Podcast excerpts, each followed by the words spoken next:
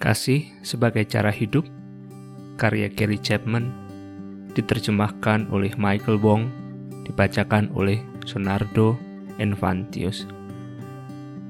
Bab 8 Judul Kejujuran Menyingkapkan diri Anda yang sebenarnya Kutipan dari Emily Dickinson Kebenaran adalah hal yang jarang, senang sekali untuk mengatakannya. Joy dan BK mulai bekerja di bagian pemasaran sebuah perusahaan telepon dengan perbedaan waktu hanya beberapa bulan saja. Karena sangat ingin untuk memulai karirnya dengan baik, Joy bekerja lembur untuk memberikan kesan yang terbaik pada perusahaan. BK juga ingin menyenangkan penyiliannya, tapi ia memandang pekerjaannya ini hanya sebagai kesempatan untuk menghasilkan uang sebelum ia menikah dan membina keluarga. Kedua wanita ini menikmati saat-saat mengobrol pada jam istirahat, makan siang, dan terkadang makan malam bersama setelah pulang kerja. Mereka semakin dekat sewaktu mereka merasa senasib dalam kerja keras mereka, ruangan yang kecil, dan gaji yang rendah. Kemudian, suatu sore, BK dengan bersemangat memberitahukan berita bahwa ia telah ditawari promosi. Jabatannya yang baru akan memberikannya gaji yang lebih baik, kantor, dan otoritas yang lebih banyak. Ia sedang naik menuju puncak. Joy berusaha terdengar bersemangat, tapi ia sulit sekali untuk mengeluarkan suara. Mengapa dia yang mendapatkan promosi ketika dia sendiri bahkan tidak ingin meneruskan karirnya di perusahaan ini? Selama beberapa bulan selanjutnya, Joy membuat alasan untuk menghindari bertemu PK. Akhirnya, PK berhenti mengirim email lelucon yang isinya, Aku akan memakan jariku, apa kau siap untuk makan siang? Joy membawakan tanaman untuk kantor baru PK, tapi ia tidak tinggal untuk berbicara. Dengan segera, kedua wanita itu berusaha menghindari satu sama lainnya di lorong. Bukankah kau dan BK dulunya berteman? Seorang rekan kerja bertanya kepada Joy pada suatu sore. Pertanyaan itu terngiang-ngiang di pikiran Joy sepanjang hari dan malam. Ia menyadari bahwa kesombongannya telah membuat dirinya tidak mau mengakui kepada BK apa yang sebenarnya mengganggu dia. Dan ia kehilangan persahabatan karenanya.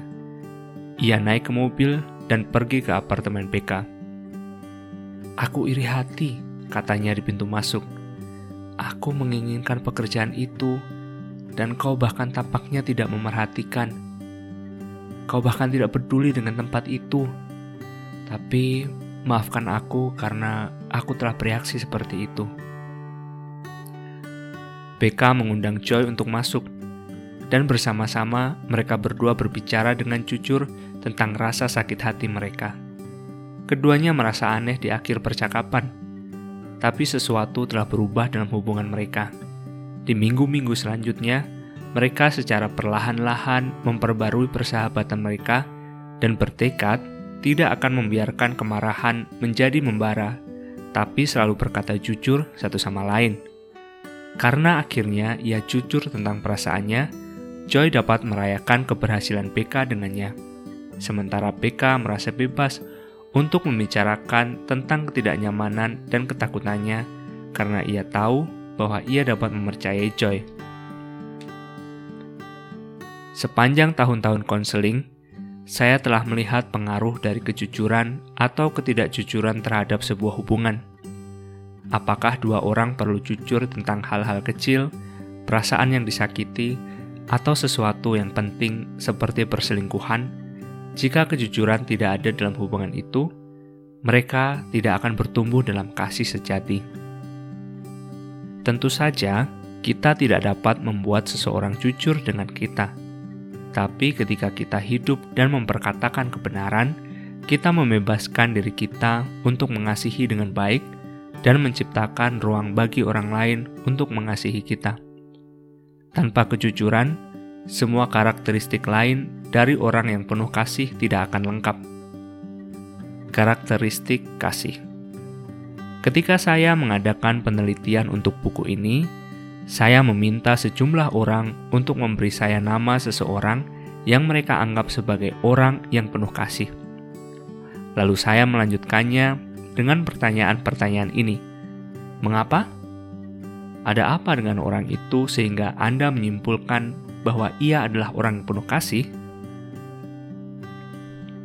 Kebanyakan jawaban yang saya terima berhubungan dengan karakteristik kasih yang telah kita bahas dalam buku ini.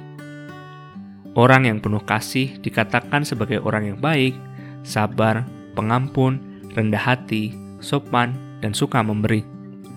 Tapi kebanyakan responden saya juga mengindikasikan bahwa orang itu penuh kasih karena ia akan mengatakan kebenaran bahkan ketika orang lain tidak ingin mendengarnya. Teman biasa Anda mungkin mengatakan apa yang ingin Anda dengar, tetapi teman sejati akan mengatakan apa yang perlu Anda dengar. Mark menulis bahwa istrinya selalu memberinya jawaban jujur ketika ia sedang berkecil hati. Ia akan mendengarkan saya dan kemudian mengatakan pendapatnya pada situasi itu, bahkan jika itu artinya menunjukkan kelemahan saya yang perlu saya maafkan tapi ia mengatakan kepada saya kebenaran dengan cara yang penuh kepedulian, sehingga saya tahu bahwa ia benar-benar ingin menolong. Anne di Minnesota menceritakan tentang temannya Anggi. Ia selalu memikirkan orang lain terlebih dahulu dan membuat orang lain merasa istimewa. Ketika pertama kali saya bekerja di perusahaan itu, ia sering kali melewati meja saya untuk mengucapkan selamat pagi atau selamat tinggal. Belakangan, ketika kami saling mengenal satu sama lain, ia menyarankan perubahan gaya rambut saya dengan cara yang baik. Ia tidak mengatakan kepada saya betapa membosankannya rupa saya, tetapi ia mengatakan betapa cantiknya saya akan terlihat. Ia melihat potensi dalam segala sesuatu. Berbicara tentang gaya rambut mungkin tampaknya sederhana, tapi memberikan pendapat dengan kelembutan dan penghormatan mencerminkan kebebasan dalam hubungan yang hanya dapat berasal dari kasih sejati. Mencari kejujuran. Pertanyaan lainnya yang saya tanyakan adalah, apakah karakteristik dari orang yang benar-benar penuh kasih? Inilah beberapa jawaban yang saya terima.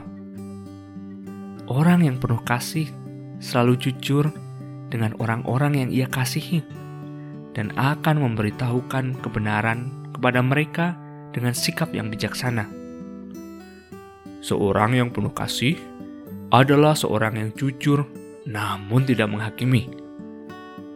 Seorang yang penuh kasih bersedia membantu Anda dalam keputusan sulit menenangkan Anda ketika Anda merasa sakit hati, mengasihi Anda ketika membutuhkan, merayakan dengan Anda ketika Anda telah mencapai sesuatu yang kecil atau besar. Ia akan jujur dengan Anda ketika ia melihat hal-hal dalam hidup Anda yang perlu diubah. Seseorang yang penuh kasih bersedia untuk memberikan saran dan kritik ketika diperlukan untuk membantu Anda menjadi orang yang lebih baik. Ia jujur namun peka. Kejujuran adalah respon yang lazim pada berbagai pertanyaan tentang apakah artinya mengasihi. Entah saya sedang bertanya kepada pria atau wanita, tua ataupun muda. Kita semua ingin sekali mengenal orang-orang yang kata-kata dan perbuatannya konsisten satu sama lain dan mencerminkan kerinduan untuk membuat kasih sebagai cara hidup. Kita ingin diberitahu.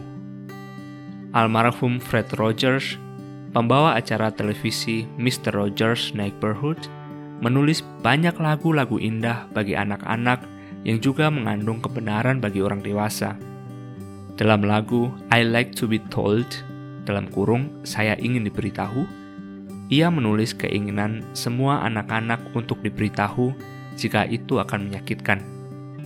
Jika orang tua akan pergi, atau jika sesuatu akan menjadi baru atau sulit, karena aku akan mempercayai lebih dan lebih lagi setiap kali hal ini terjadi.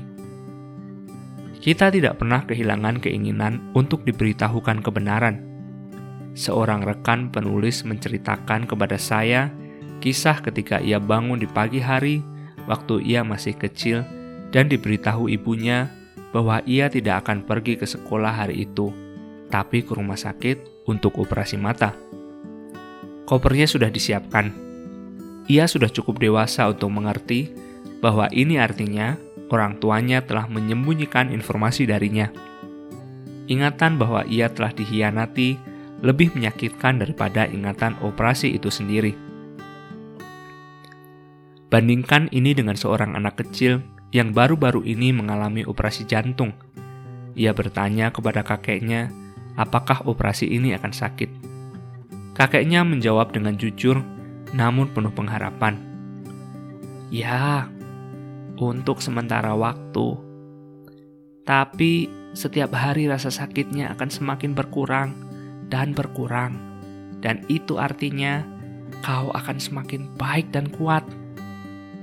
Ketidakjujuran adalah seperti wabah penyakit yang terbangun dalam hubungan persahabatan, perkawinan, keluarga, atau hubungan kerja. Jika kita ingin menjadi orang yang penuh kasih, kita harus berbicara dan bertindak dari kebenaran. Hanya dengan begitulah kita bebas untuk mengasihi orang lain sebagaimana adanya. Itulah sebabnya mengapa kejujuran sangat penting dalam hubungan yang penuh kasih. berbicara kebenaran dalam kasih. Seperti yang telah kita lihat dalam bab sebelumnya, ketika kita berjuang untuk bersikap jujur dalam hubungan, kita perlu memperkatakan kebenaran dan memperkatakannya dalam kasih. Ketika kedua elemen ini adalah bagian dari hubungan kita, kita sedang berada dalam perjalanan untuk membangun kebiasaan bersikap jujur, berbicara kebenaran dalam kasih, artinya menyimpan setiap karakter lain dari orang yang penuh kasih di dalam pikiran kita. Kebaikan Alan dan Lucy menikmati menerima para mahasiswa universitas di daerah mereka untuk datang makan malam setiap minggu malam. Selama tahun ajaran, mereka saling mengenal dan menikmati kebaikan pasangan ini, dan para mahasiswa mengenal mereka sebagai orang tua wali di kampus. Tapi Thomas, mahasiswa tingkat 2, sulit untuk disukai. Sejak ia masuk ke dalam rumah mereka, ia jarang berhenti membicarakan tentang dirinya sendiri. Sulit sekali bagi setiap orang untuk menceritakan kisahnya karena Thomas selalu memiliki kisah untuk menghentikan cerita mereka. Ia tidak pernah bertanya atau mendengar ketika orang lain berusaha memulai percakapan baru. Suatu malam, Alan mengajak Thomas untuk berjalan-jalan. Sementara mereka berjalan melalui daerah itu, Alan bertanya, "Thomas, apakah kau ingin tahu mengapa orang-orang tidak menyukaimu?" Jawaban Thomas mengejutkan. "Ya, aku tahu, dan tak seorang pun mau memberitahuku." Alan kemudian menyarankan agar Thomas dapat lebih banyak mendengarkan dan meningkatkan kemampuan bersosialisasinya. Thomas sangat ingin mendengar kebaikan dari jawaban yang jujur. Mengasihi seseorang dengan jujur ada hubungannya dengan sikap di dalam, yang dengannya kita mendekati seseorang, sama halnya dengan kata-kata yang kita ucapkan. Alan memperkatakan kebenaran karena ia mengasihi Thomas, bukan karena ia suka mengkritik Thomas. Ketika kita mengingat bahwa kebaikan mengharuskan kita untuk menempatkan orang lain terlebih dahulu, kita bersikap jujur karena kita ingin membangun hubungan itu, bukan meruntuhkannya. Kesabaran ada dua cara untuk memperkatakan kebenaran: sebagai peluru atau sebagai benih. Gunakan kebenaran sebagai peluru, maka Anda akan membunuh hubungan. Tanamlah kebenaran sebagai sebuah benih, maka itu akan berakar dan bertumbuh memengaruhi orang lain yang hatinya ditanami benih itu. Kasih memiliki kesabaran untuk menanam benih.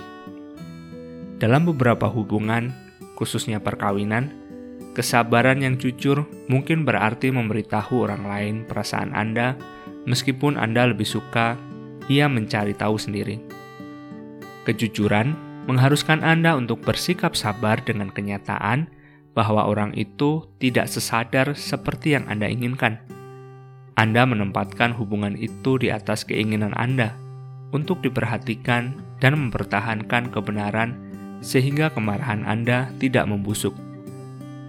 Pengampunan Tujuan memperkatakan kebenaran adalah bukan untuk menghakimi, tapi untuk memulihkan. Terkadang kejujuran mengharuskan kita untuk menunjukkan kesalahan yang dilakukan oleh seseorang yang kita kasihi. Jika kita melakukannya dengan keinginan untuk mengampuni orang itu dan memulihkan hubungan, kita sedang menunjukkan kejujuran yang penuh kasih. Kesopanan Ketika pelanggan di depan antrean kita menjatuhkan uang 20 dolar dan tidak menyadarinya, mungkin ada godaan untuk mengambil uang itu dan pura-pura tidak tahu. Kemungkinan kecil kita akan melakukan hal yang sama jika pelanggan itu adalah teman dekat kita Ketika kita bertindak dengan jujur dari roh yang sopan, kita memperlakukan semua orang seolah-olah ia adalah teman kita. Kita memiliki banyak kesempatan untuk melakukan ini setiap hari. Apakah kita sedang mengkonfrontasi orang yang kita kasihi, rapat dengan seorang pegawai untuk tinjauan tahunan, atau mengisi berkas asuransi?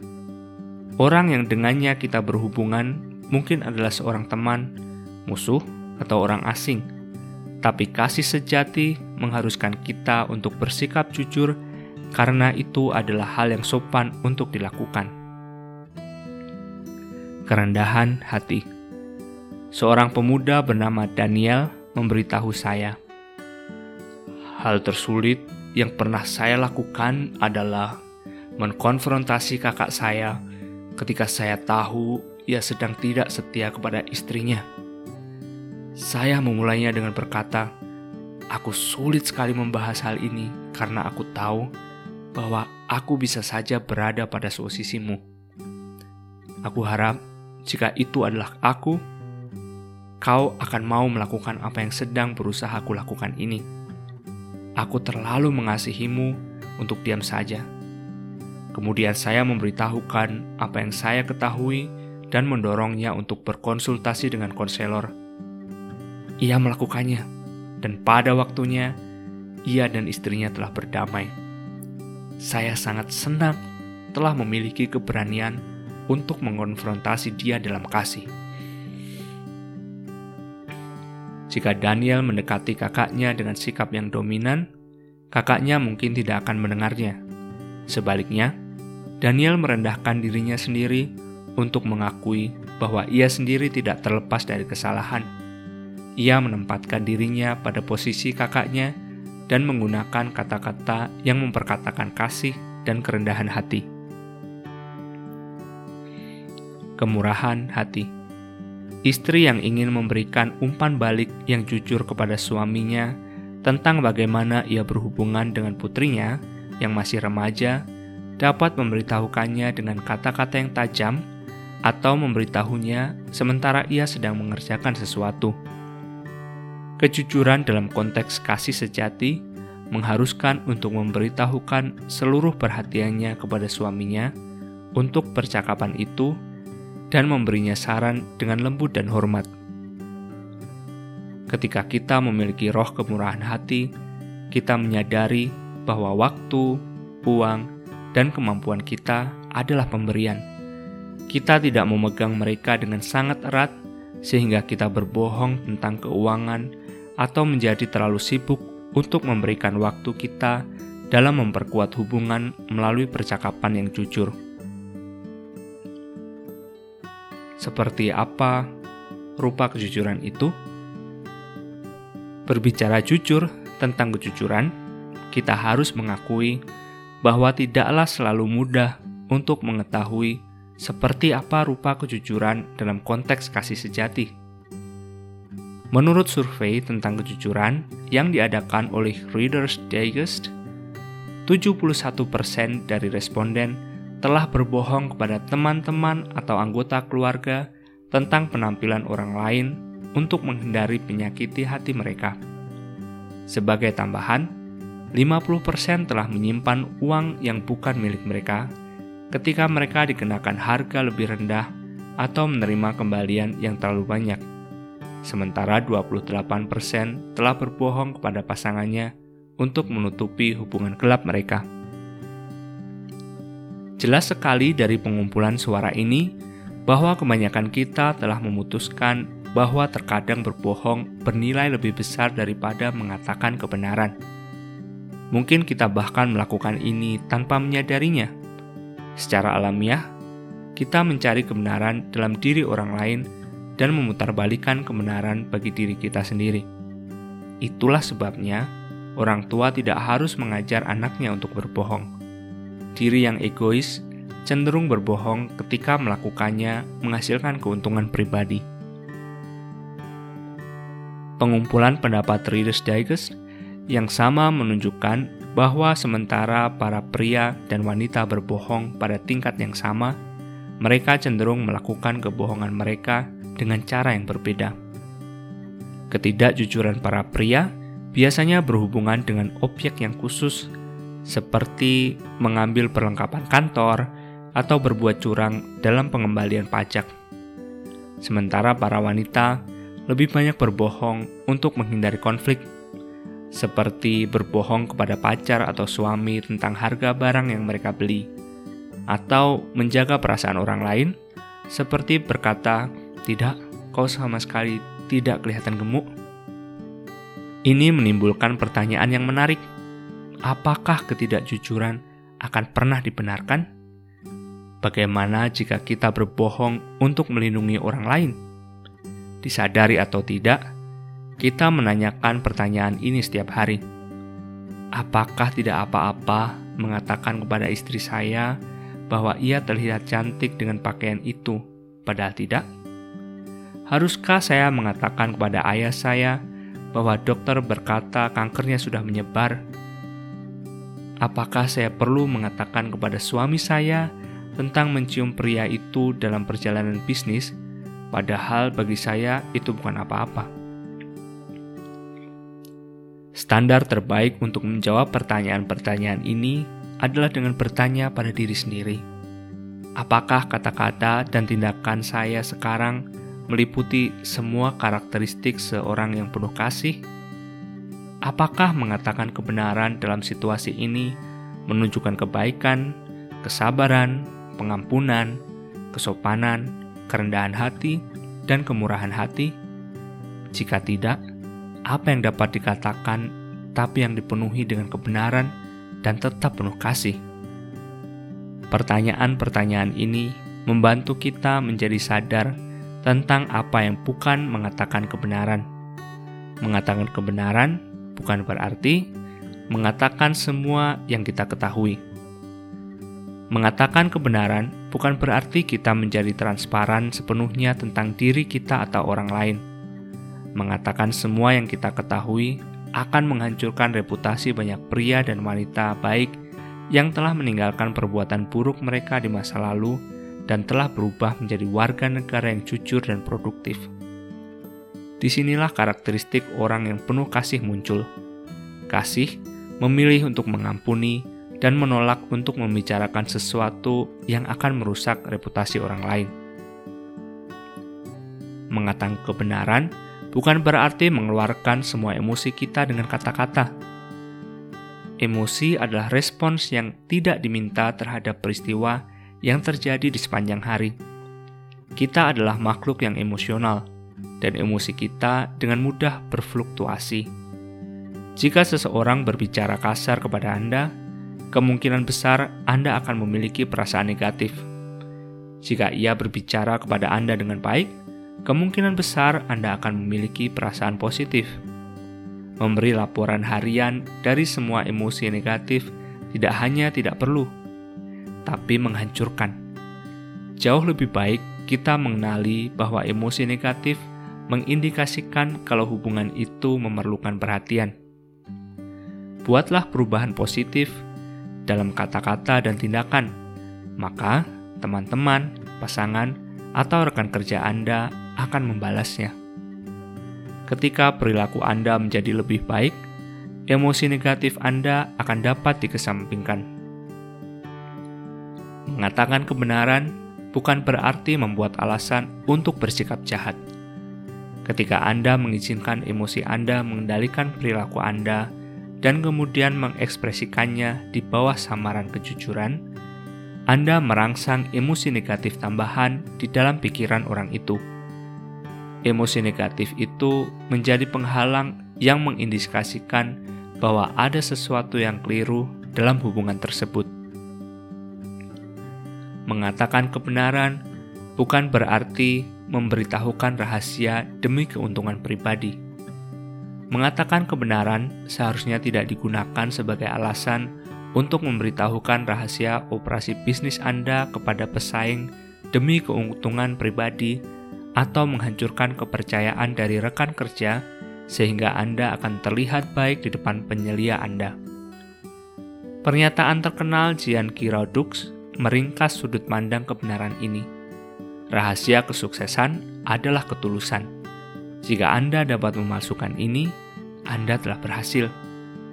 Kiradux bukanlah orang pertama atau terakhir yang mengorbankan kebenaran di atas altar kesuksesan pribadi. Mengatakan kebenaran bukan berarti membahayakan keadilan. Mengatakan kebenaran bukan berarti memberikan informasi kalau dengan melakukannya akan menempatkan orang lain dalam risiko diperlakukan tidak adil. Kita melihat ini diilustrasikan dalam keluarga-keluarga yang menyembunyikan orang Yahudi dalam rumah mereka untuk melindungi mereka dari deportasi nasi selama Perang Dunia yang kedua. Oscar Schindler Raul Valenpeak, Cory ten Boom, dan Shune Sugihara adalah hanya sebagian kecil dari orang-orang yang mempertaruhkan hidup mereka untuk menyelamatkan orang lain, bahkan jika itu artinya sekali-kali menyembunyikan kebenaran. Desa kecil Nieuwlande di Belanda dengan sepakat memutuskan di tahun 1942 dan 1943 bahwa setiap rumah di desa itu akan menampung satu orang Yahudi atau satu keluarga. Banyak orang diselamatkan karena para tetangga melindungi mereka. Para pria dan wanita yang memiliki integritas tidak akan mengatakan apa pun yang mereka ketahui kalau dengan melakukannya akan merusak keadilan. Dengan memikirkan semuanya ini, mengapa mengatakan kebenaran sangat penting? Karena meskipun kita cenderung menyimpangkan kebenaran, jauh di dalam hati kita semua ada kesadaran tentang perbedaan antara kebenaran dan kesalahan. Saya teringat dengan anak laki-laki berusia lima tahun yang menjawab telepon dan berkata bahwa ibunya tidak ada. Kemudian ia diam sejenak dan berkata, "Sebenarnya dia ada, tapi dia sedang mandi." Kita secara terus-menerus bergumul dengan ini. Namun sesuatu di dalam diri kita menginginkan kita dikenal sebagai orang yang mengatakan kebenaran. Kita kehilangan rasa hormat kepada orang yang memilih untuk mengatakan kebohongan terus-menerus. Dan demikian juga, kita menghormati orang yang memilih untuk berkata jujur. Tidak peduli apa perilaku kita sekarang ini, sesuatu di dalam kita tahu bahwa kebohongan menghancurkan dan kasih membangun. Dari dalam keluar. Menjadi orang yang penuh kasih sejati mengharuskan kita membuang kebohongan dan mempraktikkan untuk memperkatakan kebenaran. Tapi kejujuran lebih dari sekadar mengatakan siapa jati diri kita yang sebenarnya. Ketika kita berbicara yang sesungguhnya, kita sedang bersikap jujur. Ketika kita hidup benar, kita sedang bersikap tulus. Kita sedang menjadi orang yang berintegritas. Kita sering kali berbicara tentang integritas seorang pemimpin atau politisi. Dengan kata lain, Kita ingin kata-kata pemimpin itu selaras dengan tindakannya. Kita mengabaikan banyak kesalahan ketika kita percaya bahwa paling tidak orang itu mengatakan yang benar. Dalam hubungan pribadi, orang lain akan menyadari kasih kita kepada mereka ketika kita bertindak dengan integritas, bahkan dalam keadaan yang paling sederhana sekalipun. Hidup dengan integritas artinya bersikap terbuka terhadap kelemahan kita. Ketika Carl menerima pekerjaan sebagai direktur dari pabrik kecil peralatan olahraga, ia tahu bahwa ia sedang masuk ke dalam situasi sulit. Direktur yang terdahulu telah keluar karena masalah keuangan, meninggalkan para pegawai yang kepahitan dan kekecewaan dalam setiap departemen di perusahaan itu. Dewan komisaris memperkerjakan Carl karena ia memiliki pengalaman mengubah perusahaan meskipun ia tidak pernah bekerja di industri jenis ini. Ia juga dikenal sebagai pria yang berintegritas. Meskipun demikian, ia dapat menduga ketika ia berjabatan tangan dengan para pegawai yang bersikap hati-hati di rapat pertama para staf bahwa dibutuhkan waktu untuk membangun kembali atmosfer kepercayaan. Hal pertama yang saya ingin lakukan katanya kepada para staf, adalah meluangkan waktu setiap hari di setiap departemen. Saya harus banyak belajar dari kalian semua. Jadi, di minggu pertamanya di tempat kerja, Carl meluangkan waktunya di bagian penjualan, produksi, promosi, hukum, dan pengembangan, bertanya tentang bagaimana cara kerja perusahaan serta kekuatan dan kelemahan dari produknya. Ini bukanlah jenis kontrak yang biasa saya buat. Ia mengakuinya dengan mudah kepada seorang manajer. Hmm, dapatkah kita mengulangi setiap paragraf? Tidak diperlukan waktu lama bagi para pegawai Carl untuk melihat bahwa ia adalah orang yang dapat dipercaya. Ketika ia semakin mengenal perusahaan itu, ia tidak pernah mengkompromikan kepemimpinannya atau minta maaf atas otoritasnya. Ia hanya mengakui bahwa ia masih harus banyak belajar sebelum menjadi direktur yang terbaik untuk perusahaan itu. Integritas berarti menjadi diri sendiri, bukan menjadi orang yang berpura-pura. Berusaha bertindak lebih pandai, lebih berani, lebih kuat, atau lebih berpengalaman daripada yang sebenarnya membutuhkan banyak energi Ketika integritas menjadi bagian dari perkataan dan tindakan kita, kita bebas untuk menunjukkan kelemahan kita. Mengetahui bahwa bahkan kelemahan kita dapat menjadi jalan untuk mengasihi orang lain. Mengakui pentingnya kebenaran. Orang yang memiliki integritas mengakui bahwa perilakunya selalu memiliki dampak terhadap orang lain. Jika kita melakukan sesuatu yang penuh kasih, itu memiliki dampak yang positif. Benih yang kita tanam pada akhirnya akan bertumbuh dan membawa berkat atau kutuk kepada orang lain. Berapa kali saya telah duduk di ruangan saya dan menyaksikan orang tua menangis, mengetahui bahwa hidupnya yang penuh kebohongan telah memengaruhi karakter anaknya secara negatif. Kita tidak menentukan perilaku anak-anak kita, tapi kita sangat memengaruhinya. Sebaliknya, orang yang berintegritas membuat teladan untuk dapat diikuti. Saya teringat dengan seorang pria muda yang mendatangi saya setelah pemakaman ayahnya dan berkata, "Ketika saya merenungkan kehidupan ayah saya, saya menyadari bahwa ia adalah seorang pria yang berintegritas. Saya tidak. Dalam 30 tahun saya telah berhasil membuat hidup saya berantakan saya harus membuat perubahan radikal, dan saya meminta agar Anda dapat membantu saya. Kehidupan dari orang yang mengatakan kebenaran terus memengaruhi orang lain, bahkan setelah kematiannya. Bersikap konsisten dalam perilaku, kata-kata, nada suara, dan maksud. Dr. Anna Dianikomp menulis tentang sebuah lukisan yang ia terima bertahun-tahun yang lalu dari seorang anak perempuan berusia 12 tahun bernama Cory. Cory sedang bersiap untuk operasi kanker tulang dan menginginkan orang tuanya memberikan lukisan itu kepada Kom. Cory merasa cemas kalau ia akan ada di kamar operasi di bawah pengaruh obat bius ketika dokter pertama kali melihatnya. Waktu Kom membuka paket itu, lihatlah matanya. Ia mungkin berkata bahwa ia menyukainya, tapi saya ingin tahu apa pendapat dia yang sebenarnya, kata Cory kepada orang tuanya. Permintaan Cory mengganggu Kom. Apakah hanya dokter secara khusus atau orang dewasa pada umumnya yang tidak ia percayai bahwa mereka selalu memperkatakan kebenaran dengan bibir mereka? Ketika mendengarkan kebenaran, sebagian besar orang di dunia melihat pada lidah dan mata untuk mengatakan hal yang sama. Kita tidak bisa berkata tidak, tidak dengan bibir kita dan ya, ya dengan mata kita dan mengatakan kebenaran. Terkadang, kita mendengar kata integritas dari sebuah gedung. Jika sebuah gedung memiliki integritas, maka gedung itu kuat secara struktur. Ketika kita memiliki integritas, maka mata, suara, kata-kata, dan tindakan kita kuat secara struktur. Semua mencerminkan kebenaran yang sama. Mengambil risiko demi kebenaran.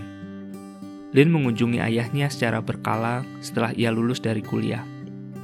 Jadi ia memerhatikan ketika perilaku ayahnya mulai berubah Ayahnya sering kali bertanya kepadanya lebih dari sekali tentang rencana yang akan datang dan melupakan janji-janji penting. Pernah ayahnya mengendari mobil ke tempat kerja, tapi pulang naik bis. Lin tidak yakin apa yang harus dilakukan. Ayahnya dari dahulu tidak pernah lupa. Ia tahu ayahnya sangat bangga dengan pekerjaan dan hubungannya. Dan Lin tidak suka kalau harus menyakitinya dengan kenyataan itu. Setelah beberapa bulan perilaku anehnya itu, Lin merasa bahwa ia sedang hidup secara tidak jujur ketika ia membuat alasan bagi ayahnya kepada orang lain dan bahkan berbohong kepadanya mengenai hal-hal yang dilupakan ayahnya untuk melindungi dia.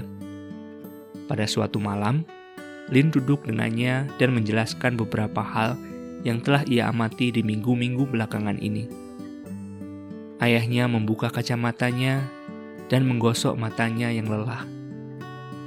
Lin, katanya, aku senang kau mengatakan sesuatu. Aku merasa bukan diriku sendiri, tapi tak seorang pun yang tampak memperhatikannya. Karena Lin mengambil risiko untuk jujur, Ayahnya mengikuti tes yang hasilnya adalah ia sedang menghadapi gejala awal Alzheimer atau lupa ingatan. Konfrontasi Lin membuat ayahnya dapat menerima perawatan lebih awal dan meluangkan waktu lebih banyak dengan keluarganya sebelum kesehatannya menurun. Jika Anda adalah orang yang memiliki emosi sensitif, mengkonfrontasi seseorang dengan kebenaran yang berat mungkin sulit tapi itu juga mungkin membuat Anda menjadi orang yang tepat untuk mengatakannya. Seseorang yang memiliki integritas tidak suka mengekspos pemakaian obat terlarang oleh pasangannya atau memberitahu temannya bahwa ada tanda-tanda kekerasan dalam perkawinannya. Tapi kasih ada di belakang pergumulan untuk mengkonfrontasi dan keinginan untuk mengkonfrontasinya. Integritas mengharuskan kita untuk mengambil risiko mengasihi orang lain dengan memberitahukan kebenaran ketika itu diperlukan. Menempati janji.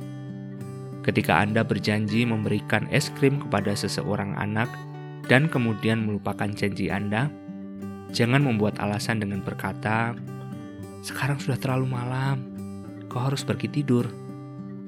Jauh lebih baik mencari toko es krim yang buka sampai tengah malam Biarkan anak itu tidur lebih malam daripada biasanya dan tepati janji Anda. Ketika Anda menjanjikan seorang pegawai kenaikan gaji atau makan malam kepada suami istri, pastikan untuk menempati janji itu. Hanya dibutuhkan satu janji yang tidak ditepati untuk meninggalkan kesan bagi seseorang untuk mempertanyakan integritas Anda. Kejujuran di tempat kerja. Kita semua sudah cukup tahu dengan kekurangan integritas di tempat kerja. Dalam tahun-tahun belakangan ini, skandal publik telah mengekspos penipuan akunting Enron Kenley dan Jeffrey Skilling, penipuan oleh WorldCom, Bernard Ebbers, dan cara pimpinan Tycho Dennis Kozlowski menggunakan uang perusahaan seperti uangnya sendiri.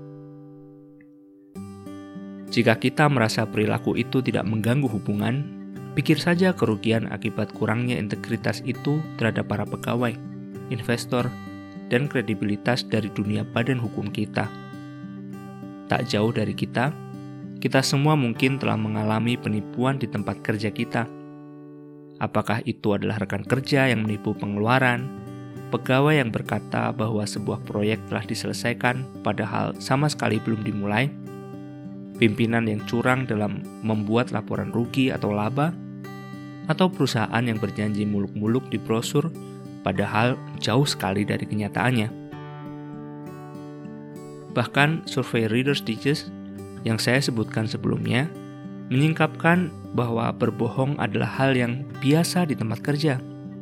Namun menipu perusahaan tampaknya lebih lazim daripada berbohong pada rekan kerja. Walaupun hanya 13% dari responden mengakui mengalihkan kesalahan kepada rekan kerjanya untuk sesuatu yang mereka lakukan, 63% berkata mereka telah izin sakit padahal mereka sama sekali tidak sakit. Juga, 90% pria dan 61% wanita mengakui mencuri perlengkapan kantor.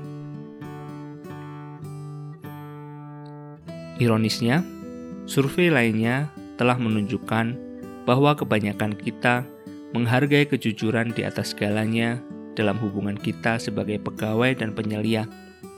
Terry Bacon, penulis buku What People Want: A Manager's Guide to Building Relationships That Works, telah menemukan dalam penelitiannya bahwa kejujuran adalah karakteristik yang paling diinginkan dalam diri seorang penyelia kita juga menginginkan orang lain mempercayai kita. Bahkan, hal nomor satu yang diinginkan orang-orang dari seorang pemimpin adalah merasa dipercayai. Kita mungkin membayangkan bahwa berbohong mengenai tugas-tugas kantor atau mencuri perlengkapan kantor tidak memengaruhi hubungan kita. Tapi setiap pilihan yang kita buat untuk bertindak di luar karakteristik kasih memiliki potensi untuk mengganggu mereka yang dekat dengan kita. Jika seorang rekan kerja tidak dapat mempercayai kita untuk menyelesaikan sebuah laporan, bagaimana ia akan mempercayai kita ketika kita membuat janji-janji pribadi? Dampak negatif dari kebohongan demi kebaikan.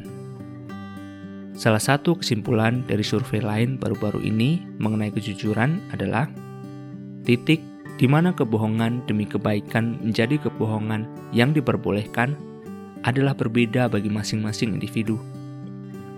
Ini memberitahu kita sesuatu tentang betapa butanya kita kepada bahaya dari kebohongan kecil yang muncul dengan mudahnya. Saya pernah diperkenalkan dengan seorang pengusaha wanita yang terus-menerus mengatakan kebohongan kecil demi kebaikan. Seperti ketika ia ingin mengakhiri percakapan atau jika ia tidak memiliki waktu mempersiapkan diri untuk rapat. Ia sering kali mengaku bahwa ia telah diberikan waktu yang berbeda untuk makan siang daripada mengakui bahwa dirinya terlambat. Dan terkadang ia menyuruh asistennya membuat telepon darurat di saat yang tepat ketika ia tidak ingin mengakui bahwa ia harus pergi. Mereka yang sehari-hari bekerja dengannya telah menduga akan adanya kebohongan ini sampai pada titik ketika ia memang menerima telepon darurat. Namun orang-orang yang mengenalnya menganggap itu tidak benar. Padahal ia adalah orang yang sangat menyenangkan dan dihormati. Berbohong hanyalah bagian dari cara hidupnya. Suatu hari kami sedang berbincang-bincang ketika ia menyebutkan kesempatan baru-baru ini di mana ia harus mengajar putrinya yang masih remaja mengenai hubungan. Rupanya seorang teman dari sekolah menelepon dan putrinya tidak ingin berbicara dengannya. Jadi ia meminta ibunya mengatakan ia tidak ada di rumah. Saya mengatakan kepadanya, "Kau tidak bisa berbohong seperti itu kepada temanmu. Bicara saja dengannya, atau katakan saja bahwa kau tidak ingin berbicara." Ia tertawa dan menggeleng-gelengkan kepalanya. Jelas sekali bagi saya mengapa gadis ini ingin berbohong pada temannya. Ia telah belajar dari ibunya bahwa ketidakjujuran dalam keadaan seperti itu tidaklah apa-apa. Saya kemudian menyadari bahwa wanita ini telah terbiasa hidup seperti itu, sehingga ia tidak menyadarinya. Ia dapat melihat ketidakjujuran dalam diri orang lain, tapi keinginannya untuk melindungi diri begitu kuatnya, sehingga ia melupakan pilihan buruk yang sedang ia buat bagi dirinya sendiri. Para pegawainya menyukainya, tapi mereka tidak mempercayai dia untuk membuat keputusan yang terbaik mengenai gaji mereka penyelianya menghormati dia, tapi mereka tidak berencana untuk menempatkan dia mengurus kontrak-kontrak besar. Dan tidak ada rekan kerja yang mau menceritakan masalah pribadi kepadanya karena semua orang dapat melihat ia bisa mengkhianati kepercayaan. Kebohongan kecil dapat menghancurkan hubungan. Setiap kali kita berbohong, kita menempatkan jarak antara diri kita sendiri dengan orang-orang yang dengannya kita membangun hubungan. Saya mengenal sebuah perusahaan pembuangan sampah yang menanamkan jalannya reliable cycle atau lingkaran yang dapat dipercaya atau diandalkan. Pemilik dari perusahaan itu jelas sekali ingin mengomunikasikan satu hal di atas segalanya. Anda dapat mengandalkan kami. Itu berbicara mengenai hubungan antara perusahaan pembuangan sampah dan pelanggannya. Tapi, bukankah ini yang ingin kita komunikasikan kepada semua orang yang dengannya kita berhubungan? Kau dapat mempercayai saya untuk selalu berkata benar dalam situasi apa pun. Ketika kita jujur dalam hal-hal kecil, kita sedang membangun fondasi bagi hubungan yang positif untuk bertumbuh. Seperti yang telah kita bahas, kejujuran harus meliputi semua karakteristik kasih. Jika kita sadar tentang mengasihi dengan sengaja, maka membedakan antara yang benar dan tidak akan menjadi sesuatu yang alamiah bagi kita. Kita akan ingin berkata dan bertindak benar karena itu adalah satu-satunya cara untuk membangun hubungan. Kemudian, karakteristik dari orang yang penuh kasih membantu kita menentukan bagaimana memperkatakan kebenaran dalam kasih. Kebiasaan Pernah, di tengah kehadiran tunangannya, Kelly, Derek berkelakar tentang menonton video porno dan terkejut melihat kecemasan di wajah Kelly. Ia sama sekali tidak tahu bahwa Kelly akan peduli dengan kebiasaannya menonton film porno. Tapi hari itu, Kelly membuatnya sangat jelas bahwa ia memang peduli dan bahwa jika Derek ingin menikahinya, ia harus membuang kebiasaannya menonton film porno. Derek berjanji. Ia juga bersungguh-sungguh melakukannya. Tapi beberapa bulan setelah perkawinan, ia menemukan beberapa situs porno. Pada awalnya, ia hanya mengintip sedikit-sedikit ketika Kelly tidak ada. Tapi dengan segera, ia berencana untuk selalu online Kapan pun ia mengetahui Kelly akan keluar rumah dalam jangka waktu yang lama. Tanpa ia sadari, ia terikat dengan pornografi. Tapi ia tidak bisa atau tidak melepaskannya. Ia menjadi ahli dalam menyembunyikan kegiatannya. Seringkali berbohong bahwa dia harus kerja lembur di kantor atau mengirim email penting di rumah. Kelly menduga apa yang sedang terjadi Ketika Derek menyangkal bahwa ia masih terikat dengan pornografi, kebohongan itu menyakiti Kelly sama seperti kecanduannya itu menyakiti Derek. Pasangan itu bahkan mulai membahas perceraian.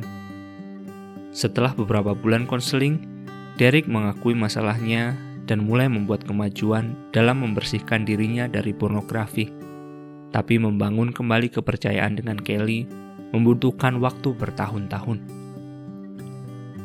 Frank W. Abagnale membuat sebuah kebiasaan berbohong menjadi sebuah karir dan berakhir di penjara karenanya.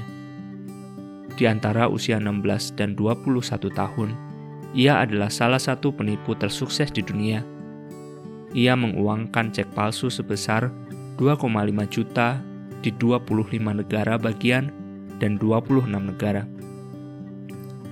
Kebohongannya membuat dia harus memainkan peran sebagai seorang pengacara, pilot pesawat, dosen, dan dokter anak sebelum ditangkap oleh polisi Perancis. Untungnya, dalam kasus Abagnale, kebiasaan yang baik telah menggantikan kebiasaan buruknya. Hari ini, ia dihormati sebagai ahli penggelapan, pencurian, dan pemalsuan dokumen. Film Catch Me If You Can di tahun 2002 menggambarkan kehidupan Abagnale yang dibangun di atas satu kebohongan demi kebohongan lainnya. Itu juga menunjukkan karakter Abagnale yang secara perlahan kehilangan kepercayaan pada orang lain, membuatnya hidup dalam pengasingan dan hubungan yang hancur. George Bernard Shaw pernah berkata, Hukuman terhadap pembohong bukan saja ia tidak dipercaya, tapi ia tidak dapat mempercayai orang lain. Salah satu bahaya terselubung di balik kebiasaan berbohong adalah semakin kita tidak dapat dipercaya, semakin kita menganggap orang lain tidak dapat dipercaya. Sebagai akibatnya, kebiasaan berbohong merusak hubungan dengan cara yang tidak kita duga. Berita baiknya adalah mengatakan kebenaran juga dibentuk dari kebiasaan Ketika kita memiliki kesadaran untuk mengembangkan kejujuran dalam kehidupan sehari-hari, maka kata-kata kebohongan yang keluar dari mulut kita akan mulai terlihat. Kita akan mulai tidak menyukainya karena kita melihat betapa mereka menyakiti hubungan kita. Semakin kita mengatakan kebenaran, semakin kita akan merasa baik. Hidup yang jujur adalah kehidupan yang memerdekakan baik secara psikologi maupun hubungan. Kita tidak perlu berpikir apa yang saya katakan kepada orang terakhir tadi, karena kita tahu bahwa kita sedang memberikan cerita yang sama kepada semua orang. Membangun kembali kepercayaan. Langkah pertama ke arah menjadi orang yang berintegritas adalah dengan mengakui kegagalan pribadi mengakui kebohongan di masa lalu adalah jalan untuk mendapatkan penghormatan diri. Pengalaman saya adalah bahwa orang yang memilih untuk berjalan di jalan pengakuan akan mendapati orang-orang bersedia untuk mengampuni. Sesuatu dalam jiwa manusia suka melihat orang lain melakukan apa yang benar. Keberanian untuk mengakui menunjukkan keinginan untuk berjalan di jalan yang berbeda di masa depan. Ini adalah proses membuang diri yang salah dan memakai diri yang baru. Mengakui dengan segera. Dalam setiap hubungan, Anda tidak harus sempurna untuk membangun kembali kepercayaan. Tapi jika Anda telah menipu pasangan, teman, atau rekan kerja, maka di masa depan Anda harus dengan segera mengakui dan mencari pengampunan. Kalau tidak, anda akan kembali jatuh ke dalam pola kebohongan dan kepercayaan tidak akan dapat dipulihkan. Menerima tanggung jawab. Mengatakan kebenaran artinya kita menerima tanggung jawab bagi perilaku kita sendiri. Ketika seorang penyelia bertanya, "Siapa yang lupa memesan ruangan rapat?" Orang yang selalu berkata benar berkata, "Saya." jika ia memang bersalah. Ketika seorang teman sekamar menanyakan pertanyaan yang sulit tentang ketidaksesuaian dalam pengeluaran rumah tangga, seseorang yang berintegritas akan menjawab dengan kebenaran. Banyak perkawinan dan persahabatan yang telah hancur bisa diselamatkan jika saja orang-orang itu telah memutuskan terlebih dahulu untuk selalu mengatakan kebenaran menjadi orang yang dapat dipercaya. Saya sering kali ditanya dalam ruang konseling, bagaimana saya membangun kembali kepercayaan pasangan saya? Saya telah banyak membohonginya. Sekarang semuanya telah ketahuan. Saya ingin mengubah perilaku saya dan ia mau mengampuni. Tapi saya tidak tahu bagaimana membuatnya dapat mempercayai saya lagi setelah apa yang saya perbuat. Hanya ada satu jalan untuk membangun kembali kepercayaan. Orang yang telah melanggar kepercayaan harus menjadi orang yang dapat dipercaya. Jika ia memperkatakan kebenaran dari titik pengakuan, pada akhirnya kepercayaan akan dilahirkan kembali. Karena itu, saya menyarankan kepada seseorang yang telah tidak setia dalam perkawinan untuk memberi pasangannya akses penuh ke dalam komputernya, telepon genggamnya, dan catatan keuangannya. Pesannya adalah, hidup saya adalah buku yang terbuka. Saya tidak memiliki apa pun yang disembunyikan sejak saat ini. Saya telah selesai dengan kebohongan. Saya adalah orang yang mengatakan kebenaran saya memberimu kebebasan untuk memeriksa hidup saya. Dengan sikap ini dan komitmen untuk memperkatakan kebenaran, pasangan yang tidak setia ini telah mengambil langkah pertama untuk membangun kembali kepercayaan dalam perkawinan. Kepercayaan adalah seperti tanaman yang rapuh. Ketika seseorang melanggar kepercayaan, itu kelihatannya seolah-olah ia sedang menginjak tanaman itu dan membuangnya ke dalam lumpur. Memperkatakan kebenaran adalah air yang memulihkan tanaman itu kembali. Mengingat diri yang benar. Ketika kita minta maaf, kita sedang berkata, "Saya tahu perbedaan antara benar dan salah, dan kali ini saya salah. Saya tahu bahwa perbuatan saya dan perilaku saya telah menyakitimu, jadi saya ingin memperbaikinya." apa yang dapat saya lakukan untuk membuatmu dapat mengampuni saya? Semakin permintaan maaf itu dilakukan dengan cepat dan sepenuhnya, semakin besar kemungkinan orang tersebut akan menerima pengampunan dan pemulihan hubungan itu. Orang-orang yang berintegritas akan berusaha keras untuk memulihkan hubungan dengan meminta maaf dan memohon pengampunan. Diri kita yang salah mungkin sekali-kali mendesak pengaruh mereka dan menarik kita untuk berbohong. Tapi karena kasih, kita mengampuni, mencari pengampunan, dan berkomitmen ulang pada diri sendiri untuk mengatakan kebenaran. Berdiri di sisi kebenaran. Hidup dengan jujur berarti berpegang pada kebenaran, bahkan ketika itu melawan opini populer Ketika William Wilberforce mengambil keputusan untuk berdiri melawan perbudakan manusia di Inggris pada tahun 1789, ia sedang mengambil sisi kebenaran dan keadilan meskipun itu bukanlah pendirian yang populer. Tapi karena usahanya dalam menghadapi perlawanan, sejarah yang gelap ditutup dan perbudakan di Inggris dinyatakan ilegal pada tahun 1807 ketika Alexander Solzhenitsyn memberikan pernyataan dalam pidatonya ketika menerima hadiah Nobel, satu kata kebenaran melebihi berat seluruh dunia. Ia sedang berbicara tentang apa yang telah ia alami. Di tahun 1966, ketika diminta untuk memberikan pembacaan publik di Institut Lazarev Soviet Union, ia tidak hanya berbicara dari novelnya, tetapi ia berbicara melawan penyensoran dan KGB. Responsnya lebih besar daripada yang ia duga. Belakangan ia mengingat, hampir semua kalimat membakar udara seperti serbuk mesiu. Betapa rindunya orang-orang itu terhadap kebenaran. Oh Tuhan, betapa inginnya mereka mendengar kebenaran Penulis Oskines menulis bahwa Solzhenitsyn dan para pemimpin dari Velvet Revolution mengetahui hanya ada dua cara untuk menjatuhkan kekejaman Soviet.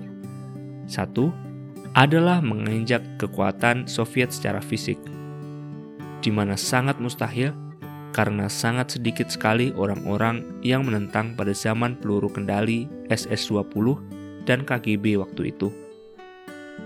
Yang lain adalah menyerang kekuatan fisik dengan moral, mempertaruhkan pendirian mereka terhadap propaganda mesin, kebohongan, dan teror. Mereka memilih yang terakhir, dan hal yang tak terduga terjadi. Mereka menang. Pasang surut sejarah dipenuhi dengan gambaran orang-orang seperti Wilberforce dan Solzhenitsyn yang berdiri di sisi kebenaran ketika mayoritas dari kebudayaan mereka mempercayai kebohongan. Kebenaranlah yang bergema di hati orang-orang yang tertekan. Di sisi lain sejarah adalah mereka yang melakukan kebohongan dan ribuan orang yang diam saja sementara kebohongan merajalela. Hitler dan Holocaust, pembasmian manusia secara besar-besaran, adalah monumen dari kenyataan yang tragis ini. Di tahun 1980, pemerintah Polandia merekonstruksi ulang rancangan dari kamp konsentrasi di Auschwitz, di mana lebih dari 1,5 juta orang mati selama Perang Dunia yang kedua. Terukir di tanda peringatan Italia adalah kata-kata ini. Dari negara mana pun Anda berasal, Anda bukan orang asing. Bersikaplah demikian sehingga perjalanan Anda tidak sia-sia dan kematian kita tidak sia-sia. Bagi Anda dan anak-anak Anda, Abu dari Auschwitz memiliki pesan. Bersikaplah demikian, sehingga buah kebencian yang jejaknya telah Anda lihat di sini tidak lagi memiliki benih besok maupun selamanya. Berdiri di atas kebenaran tidak menunjukkan bahwa kita tidak pernah salah, tetapi berdiri di atas kebenaran berarti kita tidak menyukai kejahatan, namun sangat bersuka cita dengan setiap ekspresi kejujuran. Dalam kehidupan sehari-hari, berdiri di atas kebenaran juga berarti berbicara kebenaran pada diri kita sendiri. Kita mendengar banyak pesan setiap hari di televisi, majalah, dan surat kabar, serta sejumlah situs. Kita harus menyaring pesan-pesan itu dan bertanya, Apakah ini benar? Ketika kita memilih untuk hidup dengan kebenaran, kita sedang mengasihi diri kita sendiri dengan orang lain. Kita diingatkan bahwa meskipun terkadang kebenaran tampaknya tertutup oleh kegelapan dunia, itu tidak pernah dipadamkan. Harga ketidakjujuran Mantan Presiden Richard Nixon dikenal sebagai keluarga pria dengan tekad yang kuat ia juga dikenal sebagai seorang pria yang mengenal banyak orang, namun tidak membuat persahabatan yang dekat. Banyak biografi telah menuliskan mengapa hal itu terjadi, mengeksplorasi hubungan Nixon dengan orang tuanya saat di mana ia dikerjai oleh teman-temannya waktu masih kecil, dan peristiwa pengkhianatan dalam karir politiknya. Sejarawan Stephen Ambrose memberikan penjelasan yang berbeda. Nixon tidak mengembangkan persahabatan yang dekat karena ia kurang memiliki karakteristik dari orang-orang yang berintegritas. Ambrose membandingkan Nixon dengan Presiden Dwight Eisenhower yang tidak memainkan peran apa pun, ia hanya menjadi dirinya sendiri. Kepemimpinan Eisenhower yang konsisten terlihat jelas dalam karir militernya seperti saat ia menghukum Jenderal George Patton karena menyiksa seorang tentara Perang Dunia Kedua yang sedang terluka. Meskipun Eisenhower sangat membutuhkan Patton dalam perang ini, integritasnya tidak membiarkannya untuk mengabaikan tindakan Patton. Ia menulis surat kepada Patton untuk berkata bahwa ia tidak senang dengan perlakuan seperti itu. Ia menutup suratnya dengan menulis, dalam karir militerku, tidak ada surat yang pernah kutulis karena dorongan seperti ini yang telah membuatku sedih. Tidak hanya karena persahabatan yang dalam dan telah lama denganmu, tapi karena kekagumanku kepada kualitas militermu. Tapi aku yakinkan kepadamu bahwa perbuatan seperti yang dijelaskan tidak akan ditoleransi. Sebagian besar karena kekonsistenan kata-kata dan tindakannya, Eisenhower menikmati karir politik dan militernya dengan banyaknya persahabatan termasuk dengan Jenderal Patton. Sebaliknya, Nixon mengambil kepribadian yang berbeda untuk keadaan yang berbeda. Penulis pidatonya pernah berkata bahwa Nixon dapat mengenakan sebuah kepribadian hanya dengan membuka pintu. Kurangnya integritas pada diri Nixon dalam hubungan sehari-hari membuatnya tergelincir dalam penipuan skandal Watergate. Setelah pengunduran dirinya, ia berkata kepada seorang ajudan bahwa ketika seseorang sampai ke puncak, kau tidak bisa berhenti memainkan permainan dengan cara yang telah selalu kita mainkan.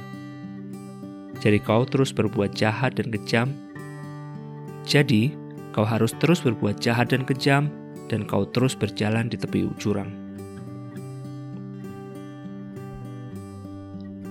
Nixon dikenal sebagai orang yang dijaga dan tidak dapat mempercayai orang lain. Mungkin karena dia sendiri tidak dapat dipercaya. Ia mengagumi orang-orang seperti Charles de Gaulle yang suka berpura-pura memainkan peran yang ia ciptakan sendiri. Ia pernah berkata kepada seorang temannya, "Saat kau mulai mengenal orang lebih dekat, mereka mulai mengambil keuntungan darimu." Ditanya tentang kurangnya hubungan dekat, Nixon menunjukkan tentang kesepian dalam kepemimpinan. Dalam pekerjaanku, kau tidak dapat menikmati indahnya persahabatan yang dekat. Kau tidak bisa mempercayakan rahasiamu pada siapa pun. Kau tidak bisa berbicara terlalu banyak tentang rencana dan perasaan pribadimu. Kata-katanya berlawanan dengan hidup dari banyak pemimpin besar dalam sejarah seperti Eisenhower yang mengembangkan persahabatan yang jujur dan terus terang dengan sekelompok orang. Ketika ia memainkan peran yang ia kira diharapkan darinya, Nixon tidak pernah cukup jujur untuk membiarkan seseorang mengetahui jati dirinya yang sebenarnya. Akibatnya, pada akhirnya hanya sedikit orang yang mendukungnya. Ketidakkonsistenan dari kata-katanya, perbuatan, dan nilai-nilainya tidak hanya menghancurkan persahabatan, tapi juga kepresidenan. Kebebasan untuk hidup dengan jujur membuat ruang bagi banyak persahabatan. Ketika kita menyembunyikan perkataan, perasaan, dan kepercayaan kita, bahkan dengan cara yang sederhana, kita telah menghalangi diri kita untuk mengasihi dengan tulus. Satu-satunya cara yang orang lain akan menerima kasih yang ingin kita berikan adalah ketika mereka dapat mempercayai kita, tidak hanya pada apa yang kita katakan, tapi karena jati diri kita.